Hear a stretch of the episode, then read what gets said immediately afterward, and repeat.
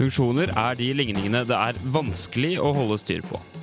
F.eks. at lykken er en funksjon av hvor rik du er, pluss hvor mye rikere du er enn naboen.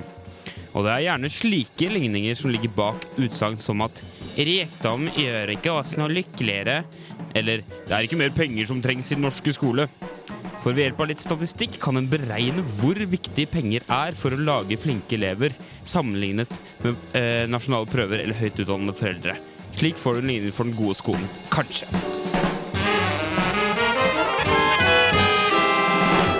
Du hører på Sekt. Sekt.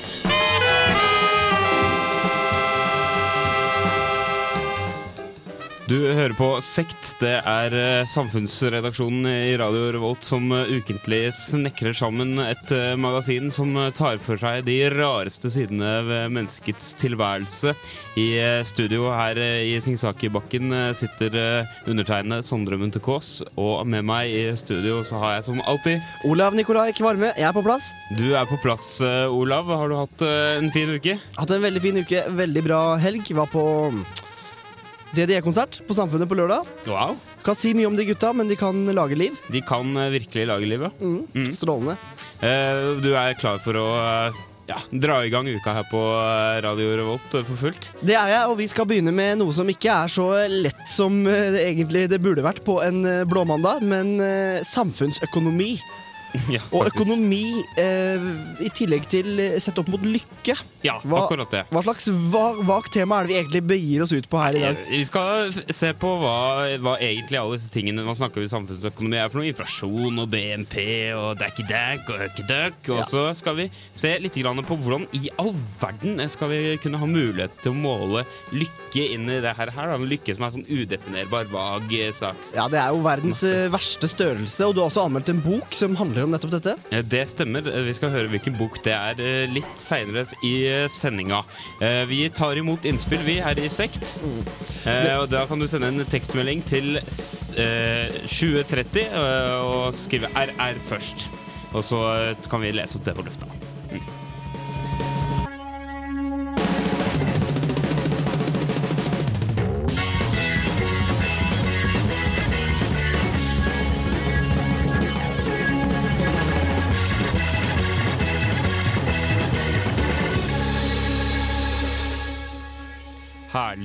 Orgeljazzrock der fra Elephant eh, Nine. Låta heter John eh, Tinnick, og den er fra deres nye plate, som er sluppet nå, helt eh, nylig.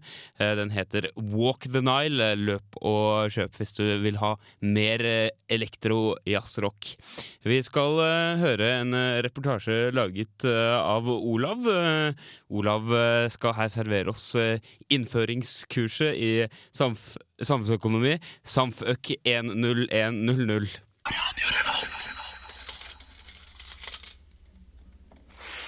En del av oppgangskonjunkturen var en sterk økning i kreditt til husholdninger og en sterk økning i boligprisene. Og vi hadde jo euforiske tilstander i boligmarkedet i 2006 inn i 2007. Så reagerte boligprisene på renteøkninger. Har du noen gang lurt på hva politikerne egentlig mener når de snakker om BNP, inflasjon, handlingsregelen, og hva med renta og penger? Hva er egentlig penger?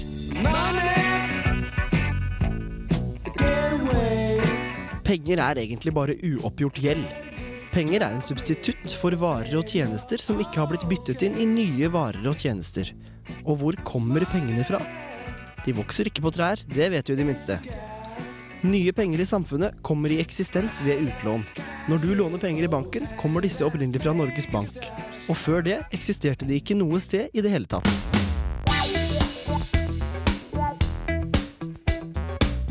Når lånet ditt er nedbetalt, vil pengene være borte igjen. Men i mellomtiden har du bidratt til konsumering eller verdiskapning, slik at de totale verdiene i samfunnet øker. Når summen av nye lån overgår nedbetaling av gamle, får man inflasjon. Det betyr at den totale pengemengden øker i forhold til den totale verdien av varer og tjenester. For å kompensere for dette økes prisene. Du husker kanskje at du fikk kronis til 13 kroner på 90-tallet, og nå koster den 16. Og husk at denne kostet 1 krone en gang i tiden. Dette er inflasjon. Det høres kanskje dumt ut at prisene øker, men det er egentlig et uttrykk for verdiskapning i samfunnet. Altså er det bra. Så lenge det ikke går for langt, slik at prisene løper løpsk og pengene ikke er verdt noen ting. Det er selvfølgelig ikke bra. I tillegg har man renter, som sørger for at det gjeldssystemet penger egentlig er, går i riktig retning. Renter er egentlig bare prisen på penger. Hvis man låner 100 000 kroner til 5% rente, ja, da må man til slutt betale tilbake 105 000 kroner.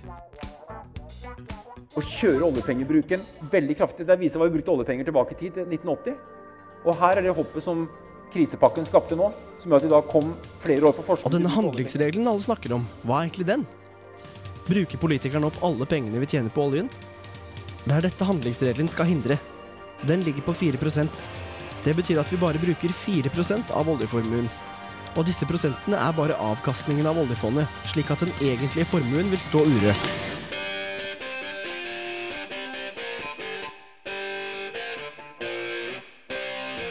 Det blir litt som en skogeier som eier f.eks. 30 mål skog. For å hindre at hele skogen hogges, så hogger han bare tilveksten, mens den opprinnelige skogen får stå i fred. Hensikten er et bærekraftig oljefond som kan fortsette etter at oljen i Nordsjøen tar slutt. Ganske smart, hva?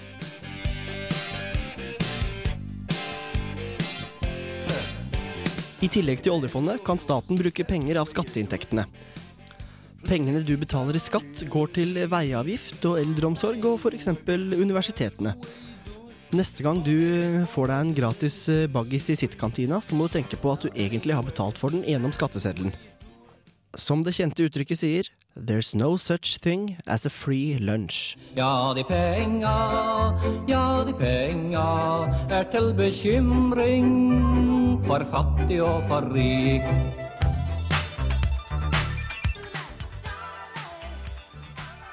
Der, der var vi tilbake til det gode gamle 80-tallet med Lucky Star med ingen ringere enn Madonna.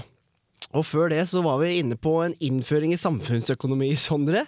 Inne på mye rart. Vi hørte blant annet Svein Gjedrem snakke om boligprisene som var euforiske i slutten av 06 og inngangen av 07. Euforiske boligmarkedspriser eh, som bare står i været mens jeg er helt kald og avslappet som sentralbanksjef. Og som rasjonelt menneske, som er det vi skal prøve å nærme oss litt i dag. Det skal vi prøve å nærme oss litt. Men eh, du var også litt grann inne på dette her. Hva er penger egentlig for noe? Jeg tenkte vi skulle ta, ta snakke litt eh, mer om det, Olav. Ja, for det er egentlig Altså, den tieren i lomma, lomma di, det er ikke bare en liten kobber, eller hva slags metall det nå er. Det er ikke bare en liten mynt. Den representerer et gjeldsbrev, egentlig. På det du kommer til å For du kommer til å bruke den tieren. Kommer til å betale for en annen vare og tjeneste. Altså Betyr det at altså, når jeg gir deg en tikroning, så sier jeg til deg at nå skylder jeg deg Nei, nå skylder du Nei, hvordan funker det? Nei, altså Hvis du bare gir den til meg helt eh, no strings attached, helt uforpliktende, så vil det jo være eh, en ok eh, greie mellom venner at jeg får ti kroner av deg. Men det den representerer, er utestående en, en vare eller tjeneste som skal komme til å bli brukt. Benyttet. Fordi den tieren den fikk du kanskje igjen i vekslepenger når du kjøpte taco. Mm. Og, så, og da, da kjøpte du den varen, men du fikk igjen tieren. Mm. Den, også, den tieren som vi snakker om, skal også brukes på en vare eller tjeneste. Du gir den til meg fordi jeg er veldig grei. Og så bruker jeg den på tyggis. Da får jeg den tyggisen tilbake. Som en vare. Så går den tieren gjennom butikksystemet ikke sant? eh, og blir en del av eh, pengene som butikken låner for å kjøpe seg en ny eiendom til en ny butikk et annet sted i Ja, landet. Mm. Ja, ok. Så er vi inne på det. Jeg tror jeg skjønner rett. Så Ja, hvis, hvis, hvis jeg, hvis jeg skylder Eller hvis du, du, eh, hvis, hvis du gjør meg en tjeneste, Mm. så kan jeg gi deg 100 spenn. Ja. Eh, og så betyr det at du kan komme tilbake til meg og få løst ut den tjenesten, da. Eh, fordi at jeg har da gitt deg på en måte et, et gjeldsbrev, som er Ja. den, den lappen eh, som jeg har fått av Svein eh, Gjedrem. Ja, det kan du godt si, men du må tenke på at det, mellom oss så blir det Det er bare mellom venner, men når vi tar det her opp på makronivå, da, for å kalle det det, mellom bedrifter, mellom, mellom stater, eller mellom staten og bedrifter, så blir det fort litt mer summer, og det blir litt mer Altså, vi, mellom deg og meg, så er det jo ikke snakk om eh, kanskje at jeg faktisk skylder deg noe, men det blir det jo mellom bedriftene. Ja, ja, ok, jeg skjønner. Mm. Uh, men uh, betyr det at det kan gå til eh, pieces med pengene? Ja, fordi man må jo ha Alle må ha tillit til pengene. Hvis du ikke har tillit til at uh, det hjelper å få en tikroning av meg, så spiller det ingen rolle. Hvis jeg ikke har tillit til at jeg på noe tidspunkt kan, kan få ut noe verdier som den tikroningen skal tilsvare? Ja, nettopp. Mm. Så hvis ingen har tillit til pengene, da faller de i pris. Da har du ukontrollert eh, inflasjon, da. Ja. Du har sikkert sett bilder i historieboka di på videregående fra 30-tallets, eller mellomkrigstidens eh, Nazi-Tyskland, hvor de kom med eh, trillebårer med tyske mark og fikk nesten ikke kjøpt et brød engang. Ja. Ingen hadde tillit til pengene, og da går det ganske dårlig. Ja, jeg skjønner. Ja. Mm. Ja. Eh, Tror, du det kan, eh, tror du det kan skje igjen, eller? Ja, nå er jo poenget med at jeg skulle lage en sånn innføring i samfunnsøkonomi, at jeg ikke er samfunnsøkonom. Skulle prøve å forklare det litt mer, så nå blir det nesten utenfor mitt uh, lille felt. Ja, Men men la, la, oss prøve å tenke oss, la oss prøve å tenke oss det her skjer i vårt uh, kjære Trondheim. Da, at folk Ja. slutter å tro på pengene. Hva, hva tror du ville skjedd da? Nei, det, det som ville skjedd, er jo selvfølgelig at du får ikke kjøpt noen ting. De pengene du har, både på konto og kontant, de er ikke verdt noen ting. Du får ingenting for dem, fordi folk tror ikke at hvis de mottar penger av deg, så kan de ikke bruke det videre. Det som vil skje da, er at uh, man kommer ned på et sånt byttesystem igjen. Sånn at uh, For å være sikker på at man får noe hvis du gir meg en middag, så for å være sikker på at du får noe tilbake, så vil du ikke ha penger. De har du ikke tillit til. Da vil du ha kanskje min eh, eh, gitar i stedet. Ja, gitarmiddag var litt um, uproporsjonalt. Dette er vanskelig, vi får kjøre videre. Her får du Wasabi med låta 'Singin' Basement Freaks'. Wasabi det er et eh, gresk prosjekt der de har sampla masse hiphops, uh, hiphop-samples og blåsere, og i det hele tatt veldig spennende enmannsforetak ledet av grekeren Georg Fotidais. Ja, Akkurat når vi snakker om eh, penger, så er det litt interessant, for han må jo ha det vanskelig når han bor i et av de landene som er hardest rammet av pengeproblemer for tida. Det må være hardt. Her får du Singin' Basement Freaks. Du hørte altså Wasabi med singen Basement Freaks. Du er på Sekt på Radio Revolt, studentradioen i Trondheim. Og Sondre, vi har jo nå tatt litt for oss dette med penger, samfunnsøkonomi. Prøvd å gå litt inn i hva det er, som slett ikke er lett. Men vi skal gjøre det enda vanskeligere for oss selv, for vi skal ta inn den veldig udefinerbare størrelsen lykke i hele beregninga. Hva er lykke, egentlig? Ja, nei, nå spør du godt, du. Nå spør jeg godt. Jeg spurte også Martin Ingebrigtsen her ute i studio, som er med i Bokbarn, Radio Rolls eh, bokprogram. er Han burde sånn- ha peiling. Ja, han er belest. Han er en sånn kvasifilosofisk eh, bedreviter. og han eh, mente det at lykke det er å befinne seg i en situasjon hvor man ikke mangler noen ting. Hvor ingenting i verden kunne gjort situasjonen bedre. Eh, ok, ja. Ja. Du bare, bare når som maksnivå? Maksnivå. Ja. Men, og han sa videre at lykke det er ikke en følelse, men det er en tilstand. Men, eh, men i den definisjonen her, da, hvis vi skal bruke den litt videre, så vil jo det, den er jo situasjonsbetinget. Og da må vi spørre oss, går det an å få noen mer form for permanent lykke? Ja, men han impliserer vel kanskje det at hvis du bare, hvis du bare klarer liksom bare nå toppunktet, så kan du bare fortsette på en måte at det er, faktisk kan komme som en tilstand. da. Ja, hvis du hele tiden befinner deg i situasjoner hvor ingenting kunne gjort det bedre, det vil jo være litt vanskelig dagen derpå for eksempel, hvor skallebanken er faretruende høy. Du må la være å få dagen derpå-dager, da. ja, men da har du ikke situasjonen dagen før, hvor du koser deg og drikker i gode venners lag. Så det, nå, nå Nei, men da må, du, da må du finne på noe annet enn å drikke og kose deg i gode underslag. Så må du tenke deg at det er ikke noe behov jeg har. Du kan eksempel dra på kanotur. Nei, så du kan aldri bli lykkelig hvis du drar på fylla, er det det som er konklusjonen her? Nei, for da er nedturen nødt til å komme. Ja. Ja. Nei, det er mye, mye man kan gjøre. Det her er bare en eh, andre som jeg hørte når jeg gikk litt rundt og snakka med folk. Det var et liv uten bekymringer. Eller gode venner og en øl på solsiden var også en definisjon jeg fikk på lykke. Ja, ok, så da har vi der, der er det to litt forskjellige ting. Da. Du har én, det er da lykke som tilstand. Ja. Og så har du to, lykke som en sånn øyeblikks eh, ja, eufori, da. Ja, det kan du godt si. Ja. Eh, og hva som er best, hva som er riktig, det er ikke lett å si. Og grunnen til at vi på en måte trekker økonomi inn i det her, da, er jo at de eneste målbare parametrene som kan liksom finnes, da må vi opp på tall på økonomi. Sjøl om det kanskje ikke er lykke, så er det jo i hvert fall brukt til velferd, sånn BNP, bruttonasjonalprodukt eh, per innbygger og sånne ting. Uh, så må man jo spørre seg selv inntekt. Altså, God personlig inntekt, at man har en trygg økonomi, er det en forutsetning for lykke? Det er jo et klassisk spørsmål. Ja. Eh, nå er det jo sånn eh, Jeg er jo universitetsstudent, jeg går jo noen ganger på skolen, og vi har faktisk, vi har faktisk drevet litt med dette her på skolen. da. Ja, få høre. Ja, og det er sånn at uh, lykken er eh, Ja, den er positiv, eh, eh, positivt sammenhengende med eh, veksten i bruttonasjonalprodukt. Den, øh, er det da opplevde lykkespørsmål fra Statistisk sentralbyrå vi Ja. snakker om? Ja. Ok. Så alle de statistiske sentralbyråene til Mosambik, Norge og USA sånn, de går da sammen og sier så har vi noen sånne spørsmål som vi spør samme spørsmål i alle land, for folk til å si uh, hvor lykkelig det er. Det viser at jo større nasjonalprodukt et land har, jo mer lykkelig blir folk. Så det stemmer faktisk også. Det er jo helt eh, fantastisk. Det er Men- bare å bli rik. Men her kommer, her kommer mennene. Her kommer de store mennene. På et eller annet sånn punkt, og vi har plassert, liksom passert det punktet nå, da, så Mm. kommer man over toppen, og så flater det, mye, flater det ganske ut. Da. Eh, slik at eh, når man har nådd en viss eh, rikdom, så nå er, nå er vi gått ifra å være rik til å bli steinrike, liksom, Ja. så, så slutter det med penger å spille noe særlig rolle, da. Det bare slutter. Ja, eller det blir iallfall ikke så viktig, da. Nei. Det er ikke lett det her med lykke. Vi skal snakke litt mer om det etter hvert. Ja, vi skal det. Her får du Ben Baller med låta 'Lok, gjeld og drama'. Du hører på Sekt på Radio Revolt, FM 100 og 106,2.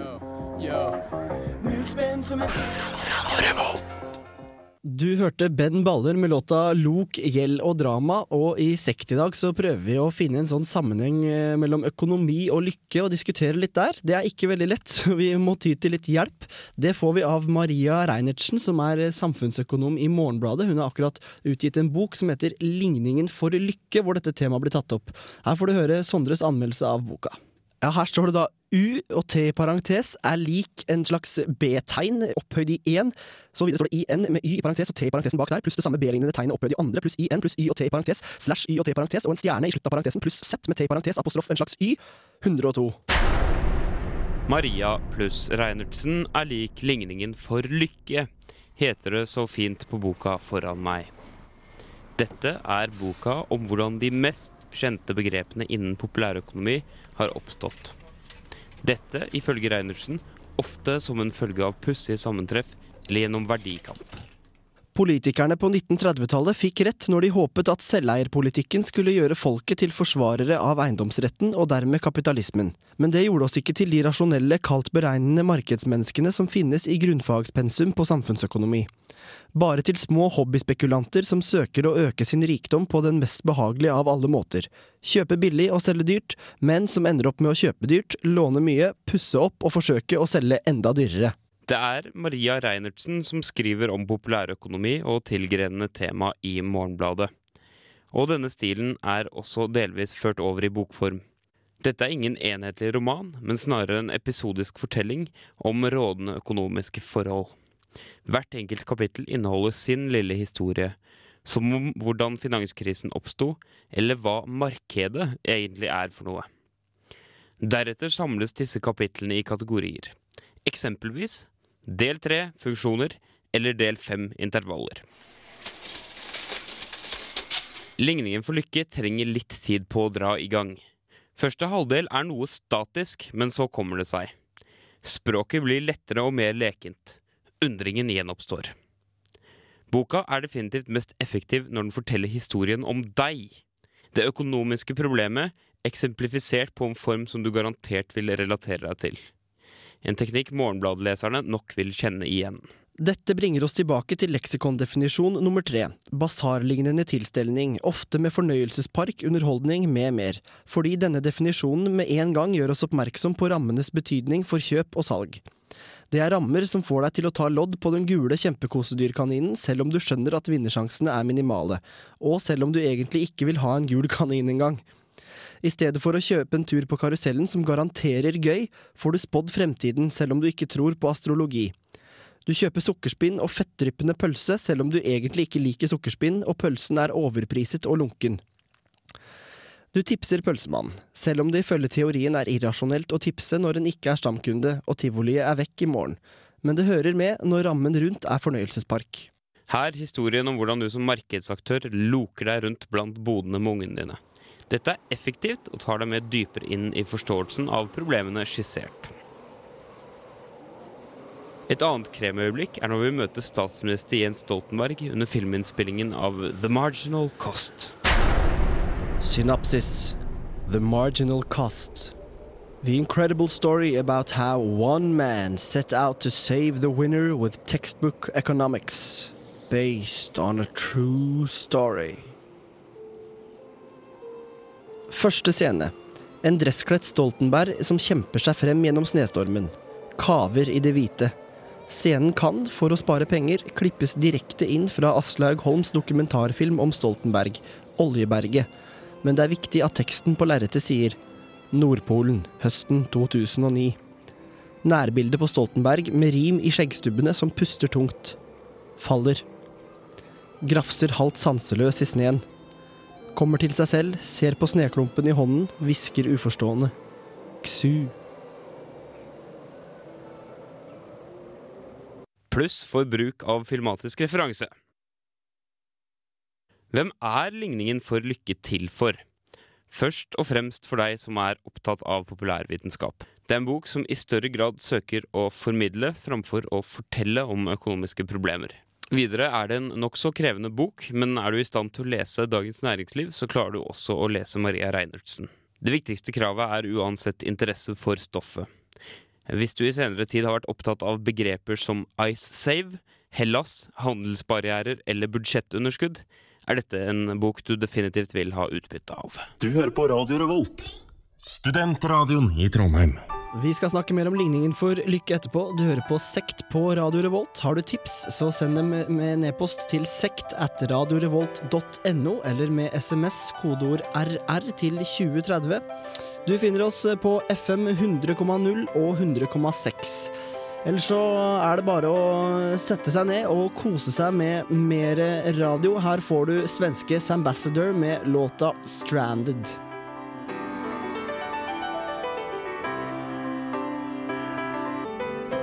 Det er altså tonene til eh, låta 'Stranded' med svenske Sam Bassador som vi nå eh, hører.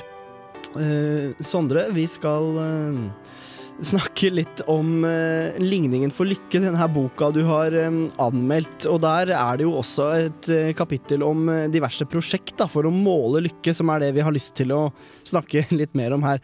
Hva er det det står, blant Ja. annet? Det er jo sånn at lykke det er noe som økonomer har hatt lyst til å måle i lang tid. Ja. Men det har ikke vært noen veldig lett måte å gjøre det på, da. Nei. Så eh, Maria Reinertsen har jo liksom tatt litt for seg lykkeøkonomiens eh, genealogi, nærmest. da. Mm. Her er det sikkert mye rare forsøk og eksperimenter. Ja, Vi kan jo gå litt kronologisk til verks. Det begynner jo med liberalismen og så seinere utilitarismen eh, som filosofisk retning, som sier at eh, lykke skal være utgangspunktet av størst mulig lykke. Eh, og nytte skal være utgangspunktet for hvordan man eh, legger opp eh, politikk og filosofi. da, Optimere menneskers liv. Mm. Ja. Ja. Sånn som for eksempel Jeremy Bentham. Ja, og han ble jo veldig kritisert, så vidt jeg husker fra X-Fill-pensum, fordi han eh, mente at eh, for eksempel eh, lykken som en eh, vestlig gutt får når han oppføler da, når han får en PlayStation-maskin for eksempel, kan sidestilles med lykken en fattig afrikaner får idet han får et eh, måltid mat. Ja, just det. Ja. Lykke er lykke. Ferdig med det, på en måte. Ja, eh, men så blir det litt mer komplisert, for eh, så er det i, vi i 1881, eh, da Francis Isidro Edgeworth, en eh, selvlært matematiker og økonom, eh, ønsket å bygge en maskin som skal kunne måle lykken, en såkalt psykofysisk maskin som kontinuerlig oppfatter det maksimum av nytelse som et individ opplever. Herlig. Ja, eh, Populært kalt hedonimetere. eller hedoni, eh, hedonimetere. Hedonimeteret. Så, eh, men det, det, det, det passer dårlig inn i på en måte vår vestlige lykkefølelse, hvor liksom lykken er liksom thrift, da, og så drive med, med sånn skapende produktiv virksomhet. da. Så kommer den her nytelses... Uh, Ja, runkelykken, den uh, blir jo rett og slett litt uh, malplassert. da. For dette med hedonisme er jo gjerne linka til fråtsing og den mer sånn late, litt vulgære nytelse, eller lykken, er det ikke det? Jo, typisk det. Mm. Ja. Men det er eh, folk som også har eh, tatt til orde for at lykke bør innføres på et slags nasjonalt plan. At eh, det er myndigheters oppgave å gå inn og måle lykken, eh, da gjennom spørreundersøkelser. Da. Eh, og i Norge så er den fremste proponent, den fremste forkjemperen for dette, han heter Dagfinn Høybråten, og han er sjef i KrF. Ja, han kjenner vi til. Han kjenner vi til. Og han eh, var jo da på banen etter at finanskrisa slo ut i full blomst og vigør i september og oktober eh, 2008. Så kom jo han eh, på banen og så sa han hei, kan ikke vi bare ta oss og innføre BNL? Og så fokusere like mye på det som BNY. Da kan vi si at eh, hvis vi BN måler BNP. BNP, mener jeg. Og så hvis vi da måler eh, nasjonalproduktet i X, og så måler vi lykken i Y, og så kan vi da se at eh, hei, vet dere hva, folkens? I år så har eh, faktisk BNL, altså bruttonasjonal lykke, økt mer enn BNX. Eh, eh, BNP. Altså at eh, vi har rett og slett fått mer lykke enn økningen i velstand. Er ikke det fantastisk, Så må det bli sånn statlig mål, da. Minst eh, 2,5% økning i året, f.eks. Ja, ja, ja sant. Altså. Ja, vi skal ha normalvekst på lykken og ambisiøs overvekst og sånn. Eh, men det fins faktisk allerede et land som eh, måler lykken. Vet du hva det heter? Nei? Det heter Bhutan. Det er et lite land som ligger eh, langt eh, borti fjellene i Himalaya. 700 000 innbyggere. Møkkfattig. Så, de er lykkelige, da, går jeg ut fra. Eh, De er visstnok veldig lykkelige. De løper rundt og er buddhister, og alle sammen er blide og glade. Og jeg skjønner jo veldig godt at de har et stort eh, behov for å måle lykken, fordi at når de ikke har noe BNP, så er det jo bare BNL igjen å ta av.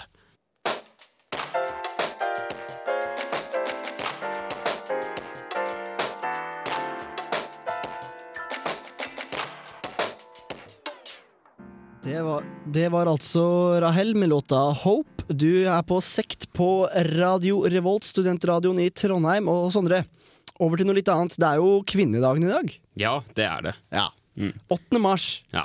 Eh, Dagens eh, garantert største snakkis eh, er selvfølgelig i gang også her på Radio Revolt.